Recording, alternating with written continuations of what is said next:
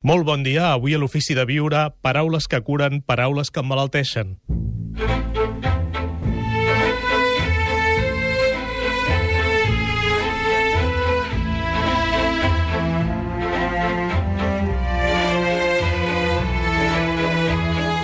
Gaspar Hernández, l'Ofici de Viure. Les paraules afecten l'ànim, però també la salut del cos. La paraula pot sanar o emmalaltir, pot ser tòxica o bé un antídot. Les paraules no són inòcues, venen carregades de sentits que activen emocions i sentiments. Tot i que no tenen matèria, són quàntums d'energia amb una gran força transformadora que tenen el poder de crear realitats. Diu el doctor Masgrau, que ens acompanya avui a l'Ofici de Viure, que és una llàstima que aquesta energia a l'abast de tothom es faci servir per queixar-se, per criticar, per culpar, per retreure. Es diu que la paraula té molt d'aritmètica, divideix quan s'usa com a navalla, per fer mal, resta quan es fa servir amb lleugeresa per censurar i suma quan serveix per dialogar. També multiplica quan s'ofereix amb generositat per ser útil.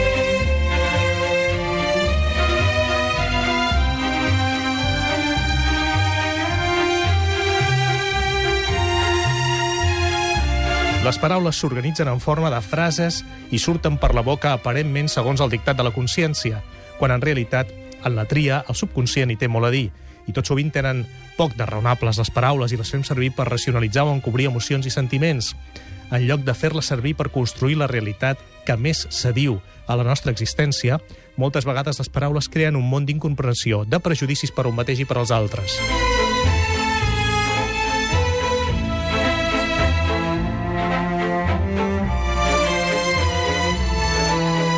Tenir present que, en siguem conscients o no, la nostra realitat quotidiana es construeix en gran part a través de les paraules que es diuen i de les que pensem.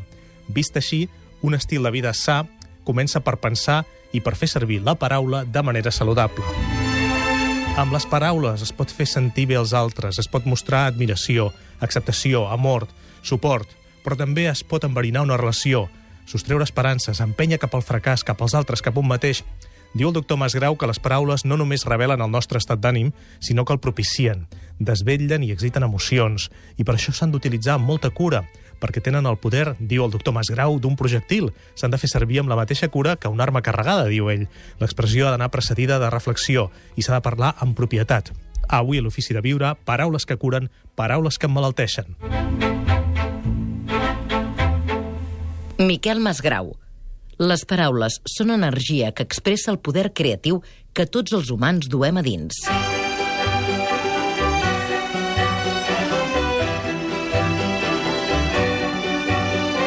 La palabra es vibración porque es sonido, pero además tiene un significado. Tiene un significado que culturalmente le hemos dado. Una palabra siempre tiene mucha carga semántica asociada a ella y además es que este es un tema que me interesa porque soy lingüista y en mi familia se hablaba mucho de la lengua. Mi padre era escritor y mi madre también era lingüista. Pero hay un, una dimensión más profunda que el significado semántico, ¿no? que es el aspecto vibracional de la palabra. Entonces, lo primero que hay que hacer en nuestra sociedad es pararnos y observar. ¿Cuánto hablamos que es innecesario? ¿Mm? ¿Y cuántas veces nos callamos cuando tendríamos que hablar? ¿Mm? ¿Cuánto tiempo le dedicamos a criticar a los demás? ¿Y cuánto tiempo dedicamos a elogiar a los demás? Entonces, si sabemos que la palabra crea realidad, si sabemos que la palabra es una vibración y es a través de esa vibración como se crea la realidad, hay que estar muy atento y no refrenarse, pero sí observarse y decir, wow, ¿por qué hablo tanto? ¿No? Si muchas veces no es necesario. Hay espacios que tengo que llenar y por qué los tengo que llenar.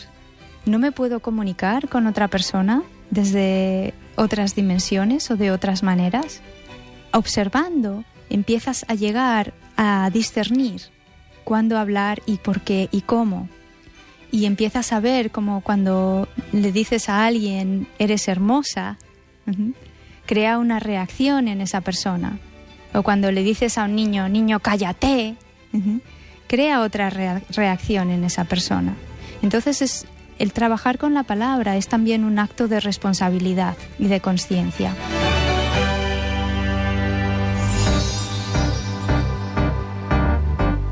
Avui a l'Ofici de Viure, paraules que curen, paraules que emmalalteixen.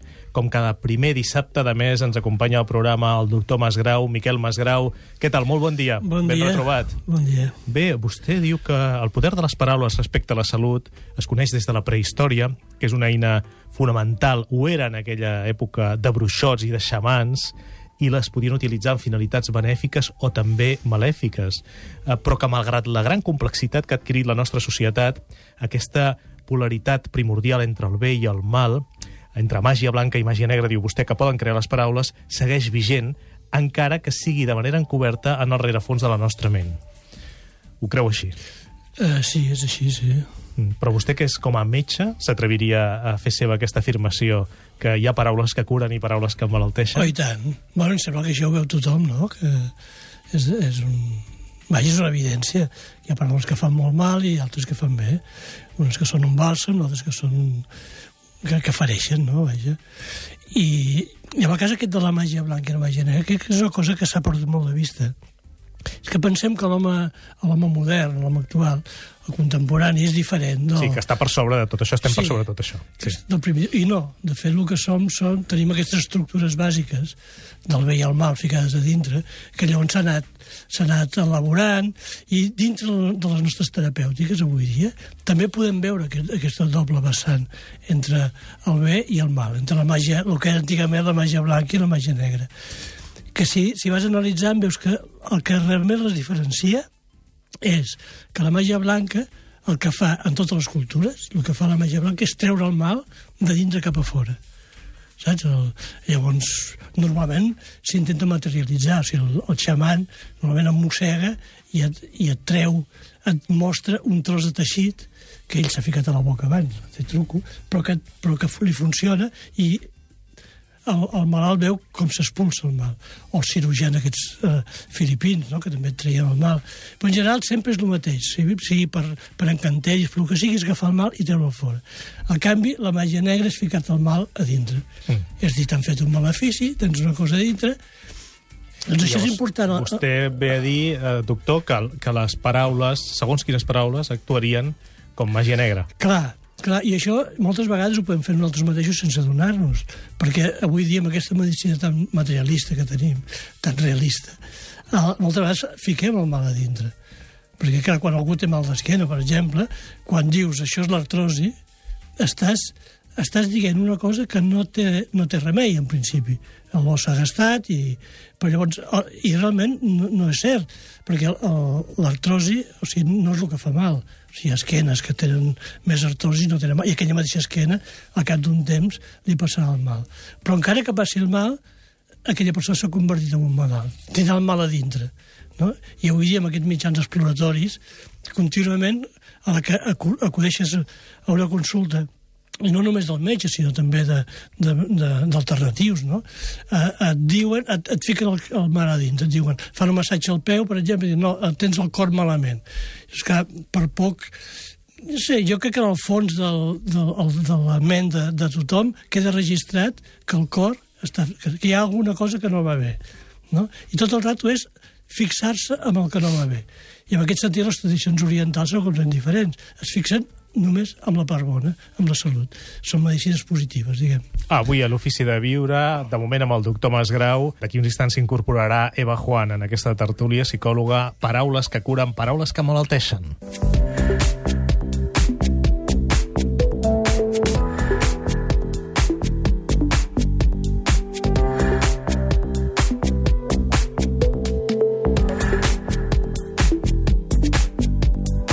Madame de Sévigné. Si les persones han nascut amb dos ulls, dues orelles i una sola llengua, és perquè s'ha d'escoltar i mirar dues vegades abans de parlar.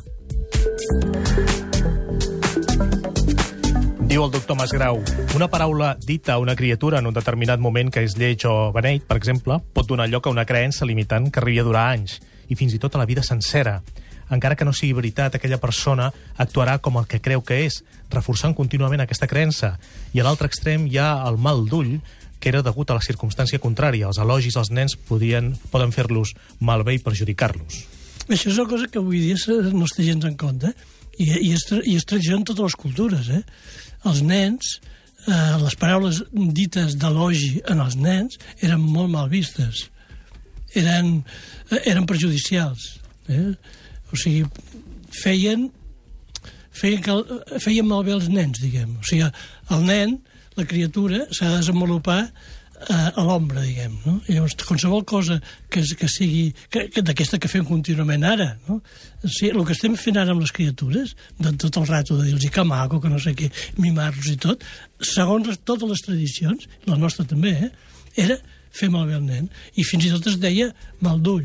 Moltes vegades es pensa que el mal d'ull és un malefici que et fa una persona. No, no. El mal d'ull és alguna cosa que alguna cosa que és que l'enveja, diguem -ne. És un, una cosa positiva que fa malbé també I aleshores, vostè com, com utilitzaria la paraula amb els més petits? Bueno, tenir-los com petits, saps? A l'ombra, no, no interferir massa amb ells. Els orientals, per exemple, parlen dels nens com porquets. Els adoren, els nens, eh? Però diuen, són uns porquets, no sé què, saps allò? I després se- se'ls miren de reüll, però els hi cau, els hi cau la, les baballes, però, però no, els, no, els, no els elogien en, en cap tradició, eh? Aquí tampoc, aquí, vaja, a les cases mínimament benestants, els nens menjaven a la cuina i no, no s'incorporaven en els grans fins que, tenien, fins que feia la, la comunió gran, aquella als 12 anys. No? Eren, fins, que es feien, fins que es feien grans i tenien el seu món. I avui dia els nens, amb, la mesura que viuen i es mouen al món dels grans, mm, en certa manera se's fa malbé, vaja. No, no poden viure la seva infantesa plenament. És, aquesta és la seva opinió, el doctor. Bueno, jo, jo sí. més que opinió, amb això també té a veure amb les paraules, jo intento, les meves opinions, més que tenir opinions, intento dir les coses que a mi m'han fet pensar, no? D'acord, perquè ho sap. És conscient que segur que hi ha força oients que no ho pensen així. Ah, no, no, els nens avui s'han de ser mimats i si no ets un maltractador. Però, bueno, ho sento. Mira, mira com creixen després, eh? És l'opinió del doctor Miquel Masgrau, que ens acompanya avui a l'Ofici de Viure. Estem parlant del poder de les paraules. També amb Eva Juan, que s'incorpora al programa. Què tal, Eva? Molt bon dia. Hola, Benvinguda, bon dia. ben retrobada. Bon dia, gràcies. I també amb Eduard Terrero, dels Amics de l'Ofici de Viure. Eduard, benvingut. Bon dia, Els gràcies. Amics de l'Ofici de Viure que estan fent una gran tasca ja fa anys i que preparen un congrés que serà espectacular. Eh? Un congrés d'aquí a dues setmanes, el dissabte. Encara queden places? Sí, queden unes 100 places. I quantes inscripcions teniu ja fetes? Uh, en aquests moments són 250 inscripcions, Imagina't, imagina't, convidats, sí. i creiem que arribarem als 400 ben bé. Increïble. Doncs el dia 15, precisament, farem el programa L'Ofici de Viure en directe des d'aquest congrés. Continuem parlant de les paraules.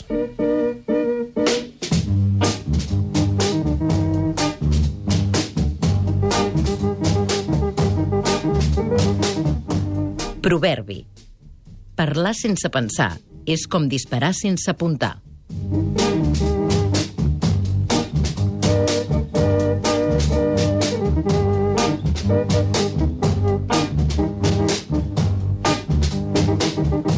Diu el doctor Masgrau, en, en, hi ha ocasions en què una paraula o una escolta atenta poden donar consol, esperança o fins i tot beneficiar la salut.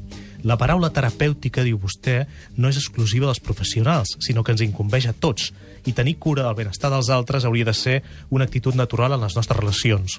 Amb els nens i els malalts, etapes i circumstàncies vulnerables de la vida, s'ha de tenir molta cura amb el que es diu. Són moments en què les paraules poden actuar com a veritables encanteris, potenciant les virtuts i habilitats, o bé com a maleficis. Bé, doncs, Eva Juan, fins a quin punt som conscients del poder de les paraules? Eh, Vostè creu, com el doctor Masgrau, que les paraules ens poden curar o emmalaltir? Sí, totalment, totalment. De fet, un dels temes que ens trobem més als terapeutes que estem treballant amb malaltia, per exemple, és la forma de parlar del terapeuta cap al pacient.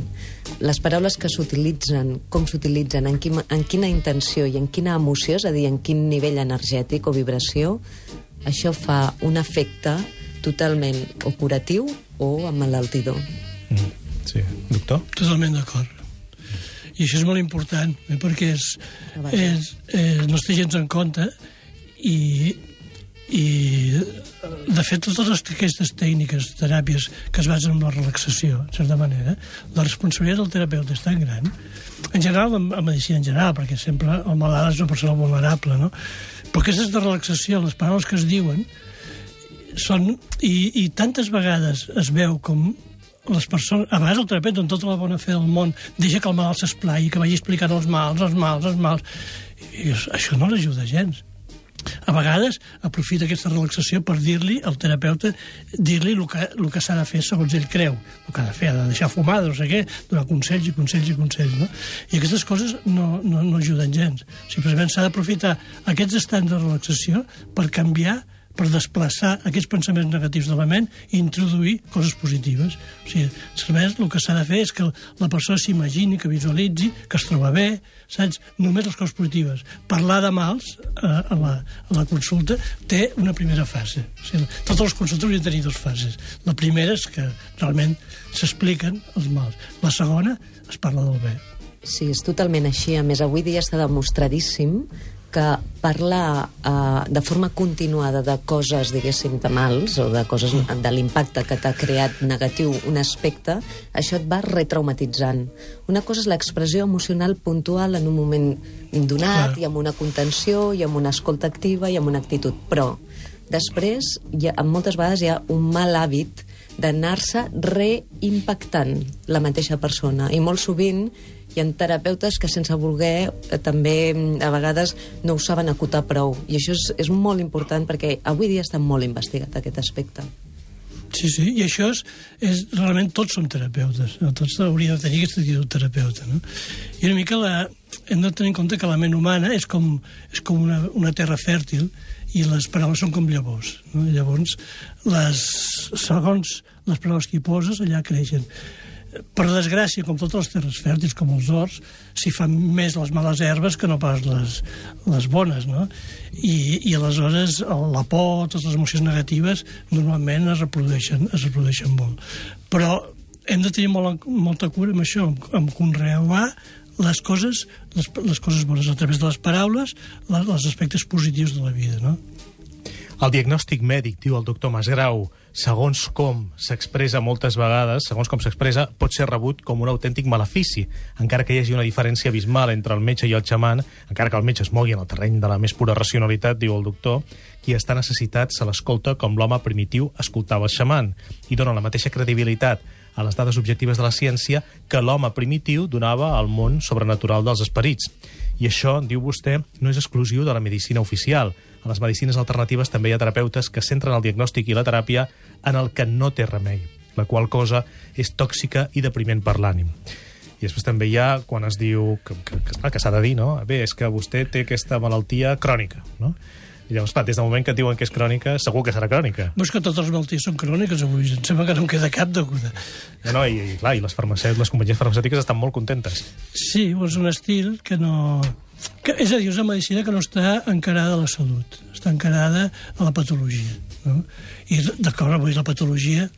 Aviam, la, la, la patologia doncs, té, és, hauria de ser un llenguatge mèdic, un, gairebé un argot perquè aquesta, aquesta divulgació que es fa científica no fa gaire, gaire bé als malalts. No, perquè es veuen, es veuen ells mateixos com, com, com tarats, no? És, i de fet la imatge que, que es té les persones d'ells mateixos d'ara comparat amb fa 50 anys és completament diferent abans la persona estava bé i tenia algun problema feia mal genoll, no sé què i està, i, i, i podia curar-se o no curar-se, però anava tirant amb això però l'estat general era bé avui dia no, avui dia la imatge que es té un d'un mateix és que està fotut d'aquí, d'allà, no sé què, saps? té el colesterol o no sé què. Bueno, als 50 anys com a mínim tindreu coses com a mínim. Bé, i aquí llavors entrem en el terreny de les paraules que ens diem també a nosaltres mateixos, que són importantíssimes. Bé, és, és el més important és el llenguatge intern, però lligant-ho amb, el, amb les paraules que es diuen a la infància, el llenguatge intern, o sigui, la nostra pròpia narrativa interna s'aprèn a la infància. Evidentment, si t'han dit trasto o ets un, no, un beneit o ets... Tot això... No serveixes per res. Exacte, no serveixes per res. Això queda realment codificat i amb aquest aspecte eh, hem de tenir tots molt, molta compte. De fet, per lo més important, que és per ser pare, normalment no es fa ningun tipus de formació. O sigui, vostè estaria a favor d'una escola de pares? Jo sí, jo penso que sí. Eh, penso que és molt, molt efectiu aprendre a ser pare, perquè sobretot és aprendre a ser persona i estar més integrat. I és el que encara falta avui dia, perquè això no s'ha fet des de la base. Quan s'hagi fet des de la base, ja estarà.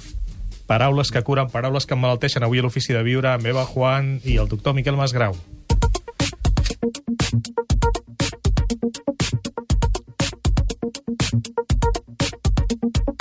Montesquieu. Com menys pensen les persones, més parlen.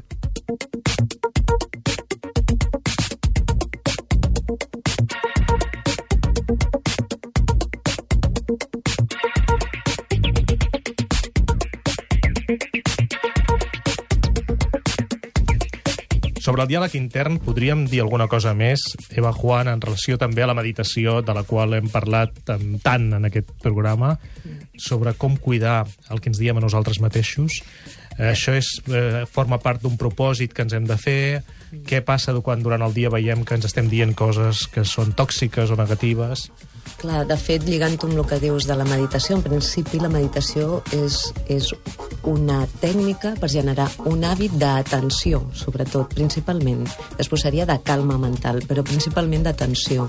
Si tu has generat una bona atenció, estaràs atent amb atenció d'atenció, eh? De atenció, sí, sí, atenció, sí.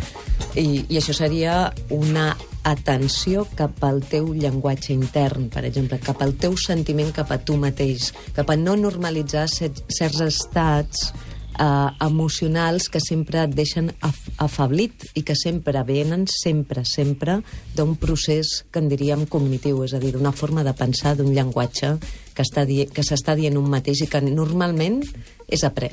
Sí, hi ha estudis que diuen que el 80% dels pensaments, no? o, bé, sí. o no sé, 80, 70, són 90, depèn, que són els mateixos que vam tenir ahir. Exacte. No? És com uns, són com patrons mm. de pensament. Estem totalment programats, és el que tenim que començar a pensar, que tenim una programació molt, molt fonamentada amb una base emocional apresa a la infància. Sí. i ve per una sèrie de paraules molt concretes que et van impactar en aquell moment, perquè en aquell moment de creixement era molt important com t'estaven valorant i com no t'estaven valorant per exemple. I això podem canviar també introduint afirmacions positives, per exemple? Sí, sempre i quan sempre i quan hi hagi una reprogramació, perquè el positiu per positiu únicament no, no serveix de molt, no. diguéssim. És important, però s'ha de fer una, realment una mirada cap a dins quines, uh, quin camp de cultiu se'ns ha generat, no? en quines paraules realment ens estem tractant, en quines emocions estem visquent, per, a més a més, reprogramar això i afegir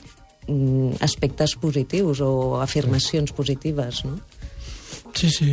Per això es pot, la manera primària de fer-ho és tenir cura del llenguatge. O sigui, mira, observant què, què estàs dient, de veritat tenim tants tics verbals, tenim tantes expressions que ens, que ens fan autosabotatge tantes vegades, no? I, i imatges de nosaltres mateixos. Aquest acútic de la medicina es refereix al cos, però igualment podríem dir la sí, que sóc incapaç de fer això, mm. sóc no sé què, no serveixo per res. Tu em mataràs. Sí, sí exacte. Sí. Sóc contrasto. Sí, sí. Sí. I no sé, el, aquesta, aquesta imatge realment es pot combatre només a cuidar el llenguatge, amb expressions, per exemple.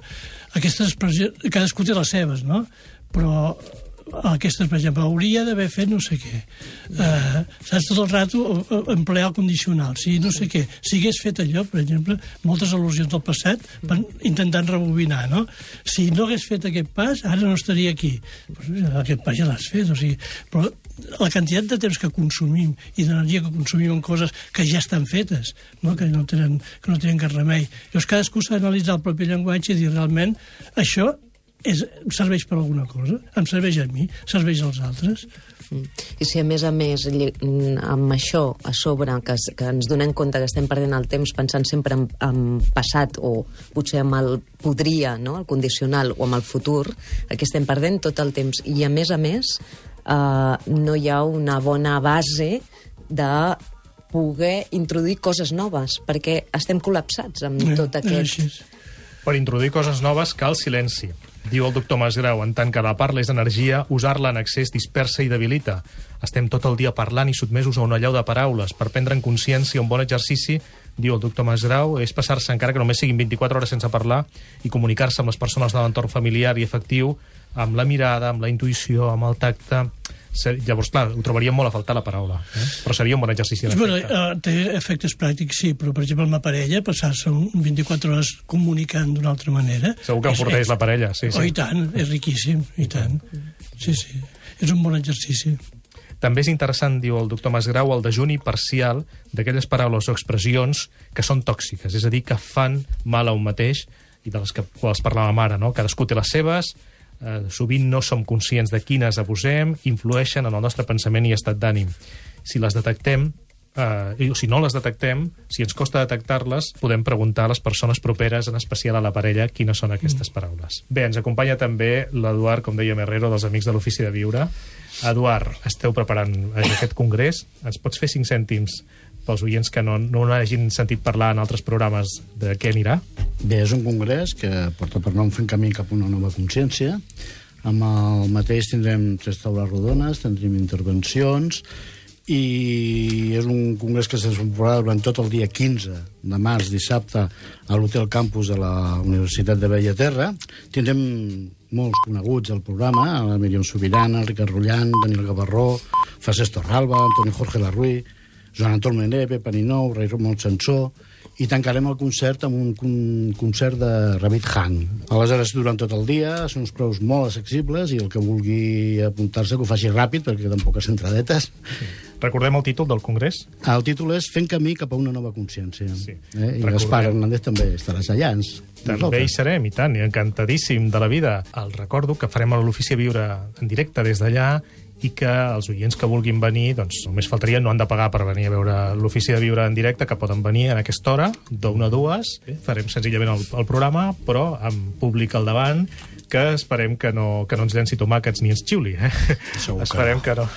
Bé, doncs, eh, sobre la nova consciència, una, una pregunta a l'Eva Juan. Mm. O sigui, vostè creu que estem fent camí cap a la nova consciència o això ens ho creiem uns quants? Jo sento que sí, perquè a un nivell, diguéssim, quan, quan treballes amb persones, en el dia a dia et dones compte que, que hi ha un canvi general, generalitzat. Però evidentment encara falta molt. Uns quants estem, que ens donem més compte, jo diria, perquè ja fa temps que estem com una mica fent aquest camí, no? Ja com més conscient. Sí. Però jo sí que jo estic molt, molt esperançada, eh? Ja, la veritat. Nosaltres també, i, bé, i suposo sí. que el doctor Masgrau també. Sí, sí en certa manera estem tocant fons. Vull dir, més avall ja no es pot caure. O, o, re, o reaccionem, sí. o reaccionem o, o desapareixem com, com humanitat, em sembla. Què més esteu preparant els amics de l'Ofici de Viure? Doncs tenim tres activitats més aquest mes. La primera el dia 8 de març, eh, que tenim el sopar astronòmic que munta el nostre amic Eduard Garcia, organitza. El dia 11, a la 18a trobada del Club de Lectura que organitza l'Anna Juanes amb el, te, amb el llibre El poder de la bondat, de Piero Ferrucci, i després tenim la 31a, 31a trobada de meditació el dia 13, que organitza Sílvia Escoda i que aquesta vegada ens porta Marta Portero, professora de la UOC, que ens farà una meditació guiada. Aquestes són les tres activitats i després pues, el congrés.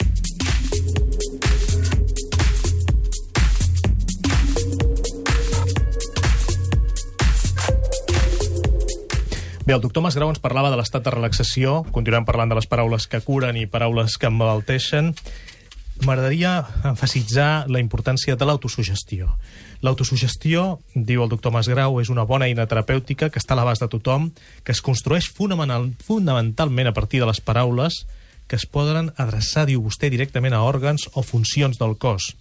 De fet, tots ho posem en pràctica, ja que els remeis, diu el doctor Masgrau, que prenem, sempre van acompanyats d'una bona dosi d'autosugestió.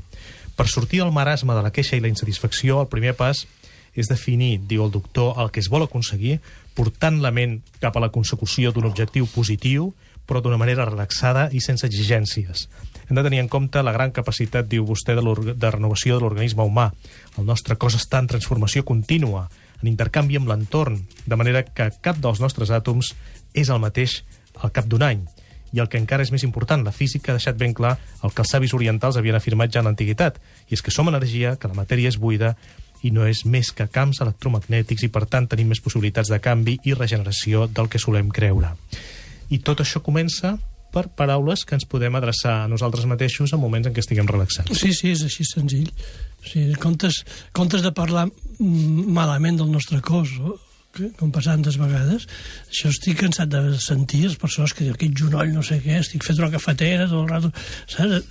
Pues així és que el genoll no, no, es curarà mai, així, saps? L'actitud mental és importantíssim al cas del càncer, per exemple, també és importantíssim al cas, és com un enemic, i tens por, tens terror, no sé què, l'has de destruir, l'has de cremar, no és la manera de tractar-te. el teu propi Sí, m'agradaria recordar quina és l'opinió d'Eva Juan mm. sobre quan diem hem de combatre el càncer tots en la lluita contra el càncer com si fos un enemic a vèncer. Clar, és que aquest és el tema, que ja em sembla que tinguem que ser violents. I què és? Violent contra tu mateix. El càncer l'està generant el teu cos. Llavors, potser s'ha de començar a pensar ja amb una altra mirada, un altre paradigma, i integrar realment la malaltia dins de tot un conjunt, que de fet és el que diuen totes les, les medicines, diguéssim, no convencionals. No? La nostra convencional encara té una component massa agressiva. Si vostè hagués de fer una marató contra el càncer, Mm. com la titularia? Eh? Per exemple, és a dir, que no hi hagués aquest contra el càncer. Mm. Ostres, Us és molt no cal el títol pregunta, exacte. Eh? Sí. Bé, suposo que seria una marató a favor de la salut, en el sentit més ampli, exacte. no? Jo aniria cap a la salut Per- i cap a a la favor. integració de la malaltia dins dins d'un procés de salut. Uh -huh. Vale? Va. Entendre la malaltia com un, un, un llenguatge del cos que si l'escoltem i el treballem en diferents eines, que avui dia ja en tenim moltes, eh? tenim moltes medicines molt ben instal·lades, no convencionals, tenim medicines energètiques, tenim medicines terapèutiques a nivell mental, si tot això s'unís bé i es fes una bona cooperació, estic segura que hauríem o, podríem evitar moltes de les eh, terapèutiques tan agressives. Sí, ja no seria necessari, només en casos potser molt, molt, molt més extrems. Però Sí. perquè hem fet una integració de la malaltia dins del procés de salut. És un altre enteniment, eh? és entendre la malaltia com un llenguatge del cos i de la ment, i de l'esperit, i del, sobretot de la component energètica del cos. Recordem que Eva Juan és uh, psicooncòloga. Uh, doctor Masdreu hi està d'acord, no? Sí, clar. Eh, tornem al- a l'estat aquest de relaxació conscient que ens permet dir-nos paraules a nosaltres mateixos que poden tenir un efecte important. Sí. Eh, diu vostè també en la nostra curació i m'agradaria que reprenguéssim el fil d'un programa que ja vam fer fa temps de l'entreson. mm? Sí, exacte. Aprofitar l'entreson. Exacte. En aquest moment en què, en què el- l'inconscient, el subconscient és més permeable, no? en, aquest, en aquests moments l'entrar i, el, i el sortir del son, el, el que tens de la ment és importantíssim. Llavors, la, anar-se a dormir amb la sensació de que has passat un dia, un dia recordar les coses bones que has viscut durant el dia i visualitzant eh, positivament el que t'espera l'endemà és importantíssim. Determina el que passarà l'endemà. És, és que és bàsic. Això és un hàbit de salut bàsic per reprogramar-se en positiu. Això sí que és una És bona una cosa tan reprogramació. senzilla que, diu, que la gent que m'escolta que no ho sap diu és impossible. Doncs pues sí, és possible. I a més a És més això està demostrat des de la física i està molt explicat des de les filosofies orientals, que fa molts anys que ens estan parlant d'aquest tema. Com un punt molt bàsic, eh? No, i l'exemple, clar, és quan hem de llevar-nos més d'hora perquè, per exemple, marxem de viatge i, i, sen, i ens llevem just abans que soni el despertador. És a dir, ja li hem dit al nostre inconscient que s'ha de despertar sí, a aquella hora. Sí, sí. No hi ha persones que, que ho tenen això matemàticament. I per què, veu, per què ho fem amb l'hora i no ho fem amb altres coses, no? Però si som, aviam, si som energia, com acabo de dir, de dir doncs el, la matèria és energia en el fons, imagineu-vos la ment, el que és. Clar, ja, la, la, en certa manera la, la, el cos té una forma que no és tan fàcil de moldejar, però la ment és pura energia. Llavors, tu t'ho fas. I la paraula pot crear, i crea, de fet, realitats. Escoltem Antonio Jorge Larruy parlant del poder il·luminador de la paraula. que la palabra tiene un gran poder, por supuesto. ¿Por qué? Porque es el poder de la mente y, y la existencia que es sino mente. Y la mente es palabra, es lenguaje. Por tanto, la palabra tiene un gran poder. Aquí la cuestión es que el verbo, la palabra, sea una palabra que sea un canal, que sea un medio, un instrumento y un fin, que tenga un contenido y que no sea un mero continente. Es decir, que la palabra sea la expresión de una luz, de una palabra iluminada, de un sentir. Entonces la palabra cumple su función, que es iluminar la mente. Solo va a haber liberación cuando la mente se ilumine.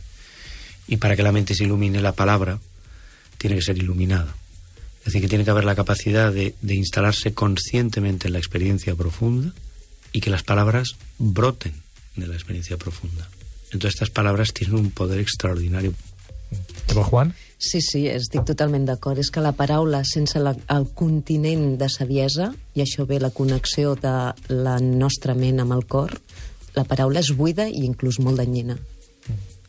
La coherència entre paraula i cor i sentiment i emoció, això ja seria magnífic. Això seria el que hauríem de- d'aspirar a tots i, de fet, eh, tenim que fer ja uns, uns programes d'educació a aquest nivell, no?, amb els nostres nens. Com a mínim comencem pels nens, perquè pugin ja més, més formats, de veritat. Ens hem preocupat molt de donar continguts i dades i no ens hem preocupat gens de desenvolupar les consciències d'aquests nens. Antonio Jorge Larruy ens parla també de quins són els problemes amb les paraules. Ese es el gran problema que padecemos. Nuestras palabras no responden a realidades vivas. Fíjate cómo se nota, ¿no? Cuando una persona te habla de verdad y que lamentablemente que pocas veces percibimos eso con intensidad, ¿no? Ostras, qué, qué, qué, palabra, cómo ha llegado aquello, ¿no? Que, Quiero decir que la mayor parte de las veces detrás de la palabra hay muy poca presencia, entre otras cosas porque la persona es poco consciente de su fondo y, y lamentablemente incluso también es poco consciente de lo que siente, de lo que ve y sus palabras pues son palabras que no tienen apenas contenido. Y es un gusto, es algo extraordinario que la palabra cumpla su función, que simplemente representas como el pincel.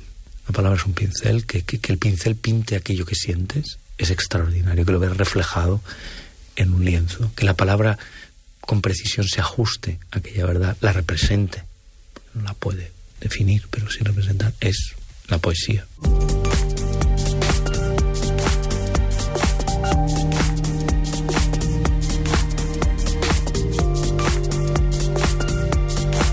Moltes gràcies a les oients i als oients de l'Ofici de Viure de Catalunya Ràdio per les vostres aportacions al mur del Facebook.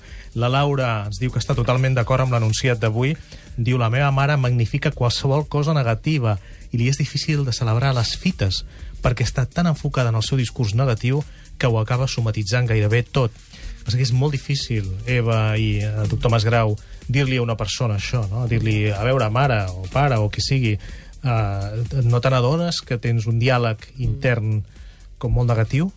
Sí, és molt difícil perquè mm, és, llavors es passa a ser com has de fer això, no? Clar. Una mica hi ha el missatge d'has de, sí, però sí, no, aquella persona no s'ha fet conscient del seu programa eh, i d'aquell hàbit que va repetint i repetint perquè té un programa informàtic molt ben instal·lat, no? Mm -hmm. Doncs com s'ha de reprogramar sense aquesta consciència. Llavors, l'altre és un has de fer, no?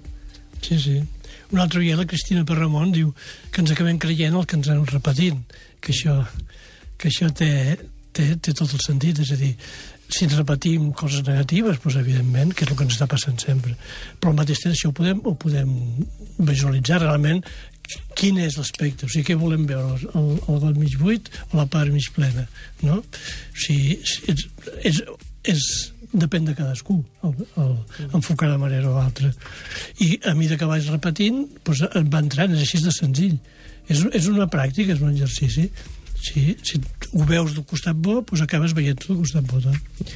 La Rosa diu, els humans tenim el valuós to de la paraula, sovint subestimem el poder que té. La paraula en si mateixa només és un significat, un jeroglífic, però la intenció, aquest és un aspecte també molt interessant que m'agradaria tocar per acabar, la intenció l'omple de significat, no?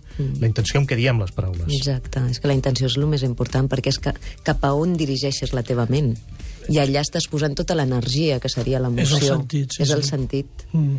Això és el més important, perquè si no queda buit de contingut, no?, també. Que aquesta és l'altra, clar, o sigui, els, els e-mails, per exemple, i les noves tecnologies, eh, no, no, aquí no hi veiem la intenció, costa molt, eh? Sí. Costa molt. Sí, sí, i, i moltes altres coses. La paraula avui dia és buida. És, que avui dia, si no parles, si no contestes, per exemple, diuen qui engalla otorga, no? I el callar és quasi et posa en situació d'inferioritat, no? Sí. Quan, de fet, és, hauria de ser el contrari. S'hauria de parlar només les frases, el que, lo que s'ha de dir, vaja, no... I si féssim, si respiréssim una mica a fons abans de parlar, que cosa que és impossible avui dia un diàleg, segur que el diàleg seria molt més fructífer. Bé, molt interessant, tot aquest diàleg amb l'Eva Juan i el, el doctor Masgrau, que ens hi estaríem hores, però crec que hem, dit, hem donat algunes eines que esperem que siguin útils i profitoses als oients. Moltíssimes gràcies. Fins ben aviat. Gràcies. Gràcies també a l'Eduard Herrero. Moltíssima sort en el Congrés dels Amics de l'Ofici de Viure. Ens hi trobem allà, just Ens d'aquí trobarem allà, sí. dues setmanes. Que vagi molt bé. Gràcies.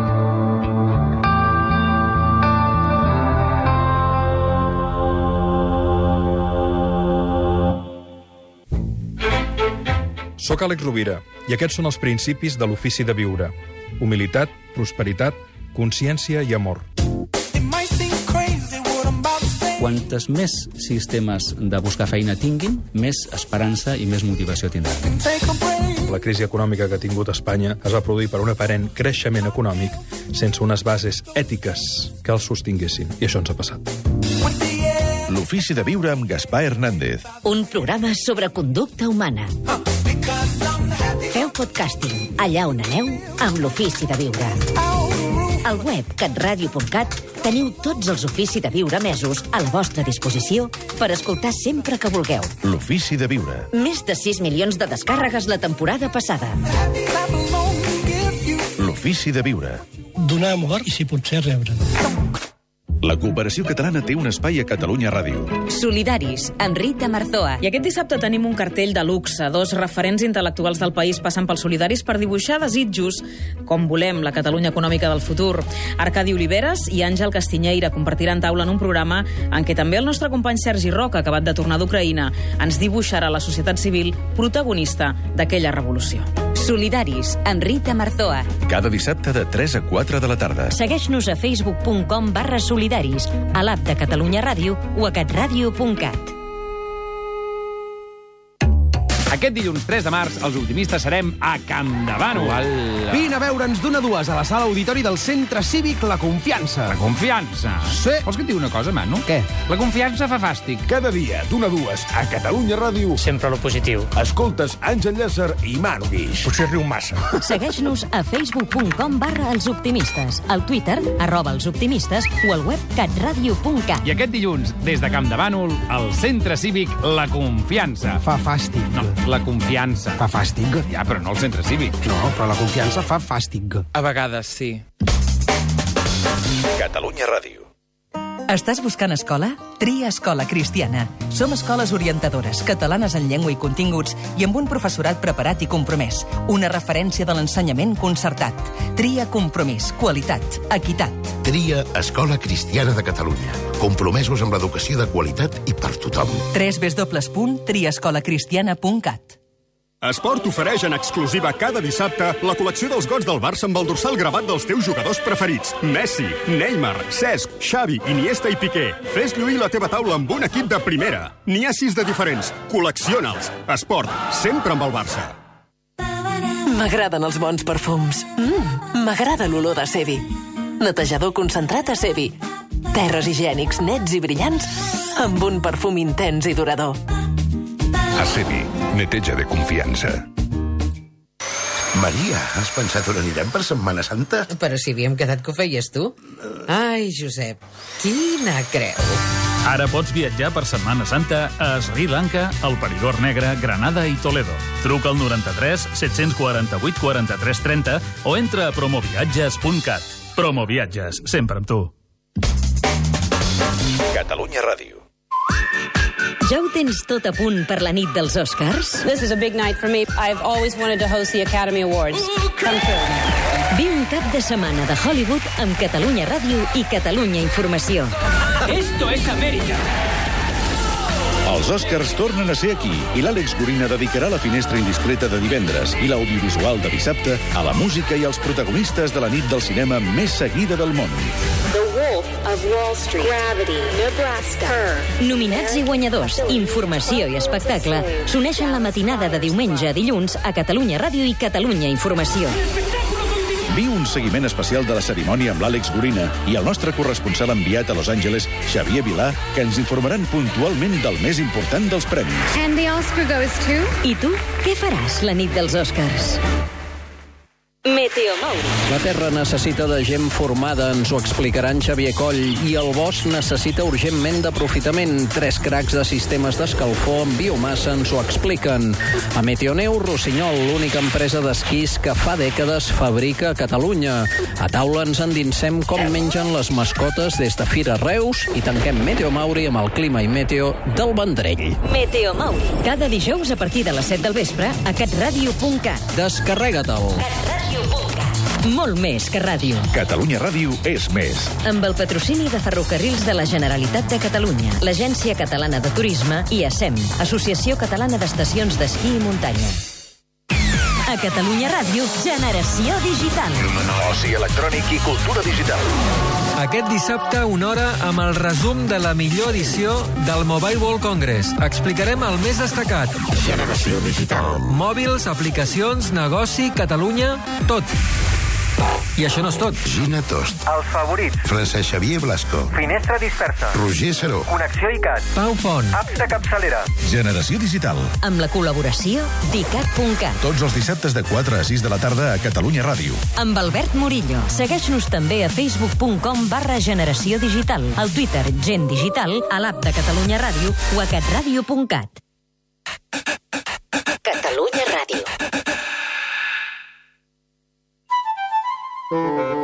Descobreix amb La Vanguardia una història de tots. Aconsegueix la col·lecció Història de Catalunya il·lustrada per Pilarín Vallès. Set volums que van des de la prehistòria fins a l'actualitat, protagonitzats per herois, reis, governants i cadascun de nosaltres. Aquest cap de setmana, primer llibre per només 3 euros amb 95, amb La Vanguardia. Amb el suport de l'Ajuntament de Barcelona i la Generalitat de Catalunya. Amb el carnet del Club 3C tindràs tot el teatre, tots els concerts, tot el cinema, tots els museus i un munt de propostes culturals i divertides pensades només per tu. Fa molt més per tu del que t'imagines. És com si visquessis dos o tres vides. Entra al web 3c.cat i des de només 3 euros al mes fes-te soci del Club 3C, el Club de Cultura.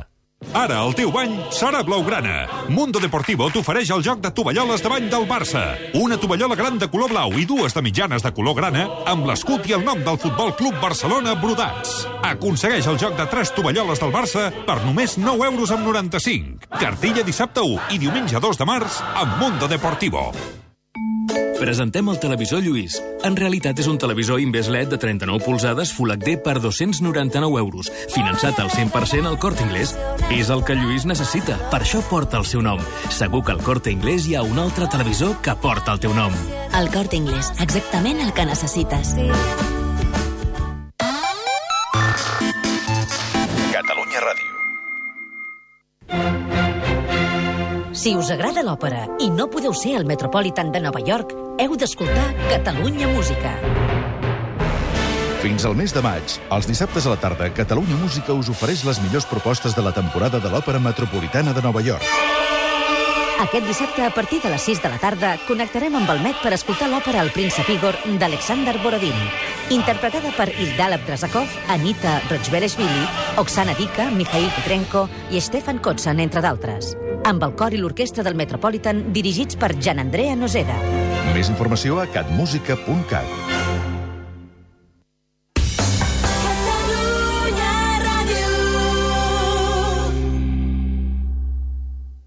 L'ofici de viure amb Gaspar Hernández. Saber perdonar millora la nostra salut emocional. L'ofici de viure. Un programa sobre conducta humana.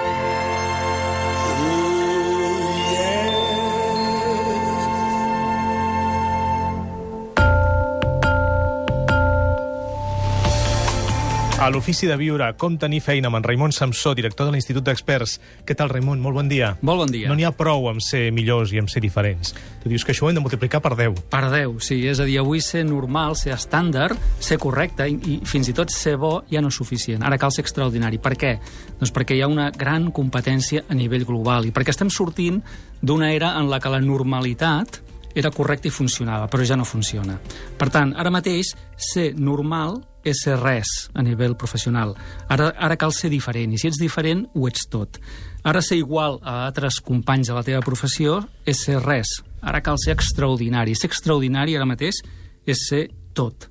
Per exemple, els, el, les feines que són intercanviables, vol dir que les pot fer qualsevol, eh, aquí a Occident aniran minvant, aniran desapareixent. Per tant, hem de ser quasi, quasi, quasi insubstituïbles. Això és el que hem de fer eh, com a professionals, inclús com a negocis, com a empreses. I l'única opció que tenim doncs, per tindre un futur eh, professional és ser cada vegada més especialitzats, més diferents i, per suposat, més excel·lents amb allò que estem fent. Són les píndoles setmanals d'en Raimon Samsó a Com tenir feina. En Raimon és director de l'Institut d'Experts. Podeu escoltar eh, seccions endarrerides, que són moltes d'elles, la majoria, vaja, molt i molt actuals, més presents que mai, a catradio.cat. Gràcies, Raimon. Molt bon dia. Bon dia.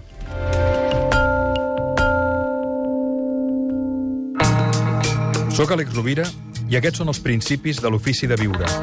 Humilitat, prosperitat, consciència i amor. L'ofici de viure amb Gaspar Hernández. Un programa sobre conducta humana. Feu podcasting, allà on aneu, amb l'ofici de viure. Més de 6 milions de descàrregues la temporada passada. Al web catradio.cat teniu tots els ofici de viure mesos a la vostra disposició per escoltar sempre que vulgueu. L'ofici de viure. Un programa fet amb rigor. Des de l'amor. I pel benefici de tots els cessars.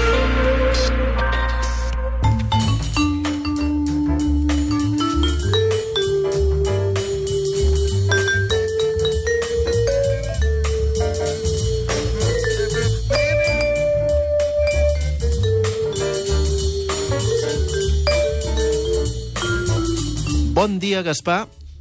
Diu bon dia, Gaspar. Només s'adreça a tu. Molt bon dia.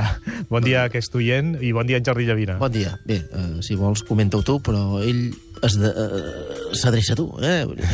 Aviam, uh, entrem en matèria. M'he decidit escriure perquè he pensat que em podries ajudar. Soc oient esporàdic del vostre programa des de fa anys i sempre hi he parat molta atenció i interès. Resulta que ara sóc jo que necessito ajut i no sé ben bé on recórrer. Em vaig casar molt jove ja de principi la meva dona tenia uns problemes que al llarg dels anys resulta que et diagnostiquen trastorn límit de personalitat i finalment bipolar. Després de molts anys de lluita i de tenir dos fills, 17 anys de matrimoni, vaig quedar esgotat i deixo la relació tot i ser molt difícil la decisió. Molt ràpidament, massa, suposo, començo una relació que, tot i ser apassionada, ja detecto situacions amargues, intentant pensar que es milloraria després d'alguna visita al psiquiatre per part meva, pensant que jo estava malament. Em va costar moltíssim també, però finalment deixo la relació. Vaig enamorar-me d'una noia, però amb només tres mesos ja vaig deixar-ho per problemes de convivència. Em sento totalment esgotat, desil·lusionat, i l'angoixa no em deixa viure ni gaudir del dia a dia. Sento que tinc el cor buit.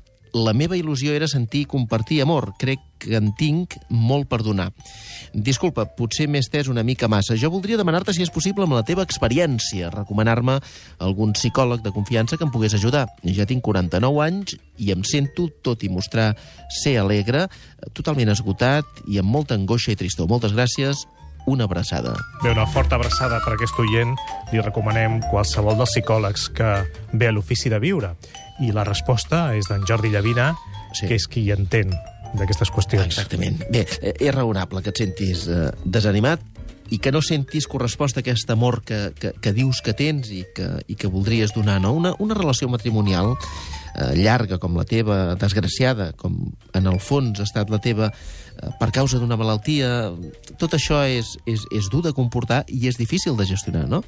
Eh, després altres relacions que pel que sigui doncs no han acabat de funcionar, reconec que no ha de ser fàcil viure amb tot això, però hi ha un element important, que ets tu, la teva circumstància, la teva edat, que encara és jove, no tens ni 50 anys. Eh? I és molt important, em sembla a mi, que no estiguis condicionat per la pressa. Això és molt important, per la necessitat, per la urgència, intentar distanciar-te de tot això que vius. No?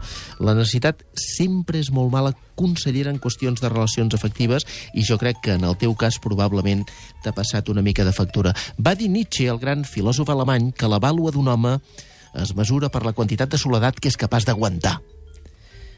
Bé, a mi em sembla una afirmació potser massa rotunda o un pèl, un pèl excessiva, però que crec que hauríem de prendre pel cantó assumible.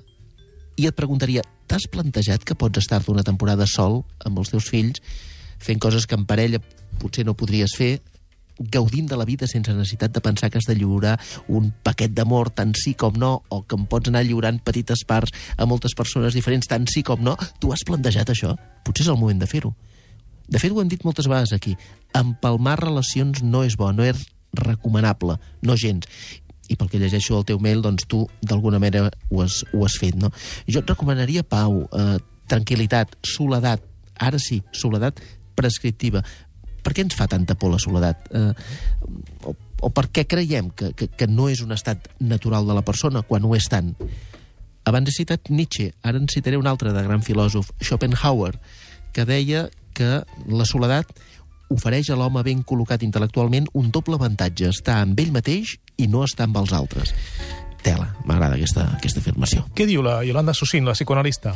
Quan una relació diu ha estat complicada, plena d'entrebancs, i de seguida se substitueix per una altra parella o fins i tot eh, una altra d'enganxar d'aquesta, segurament el que s'intenta és tapar un forat de manera desesperada. És normal intentar defensar-nos d'allò que ens fa mal, cadascú fa el que pot, però l'oient ja ha vist, ja ha intuït la necessitat de l'ajuda d'un bon professional perquè mentre no analitzi i no resolgui tot això que li està passant, doncs no farà net. Per tant, li recomana molt explícitament la visita a un psicoanalista. Jordi Llavina, moltes gràcies. A tu, Als oients també, una forta abraçada. It might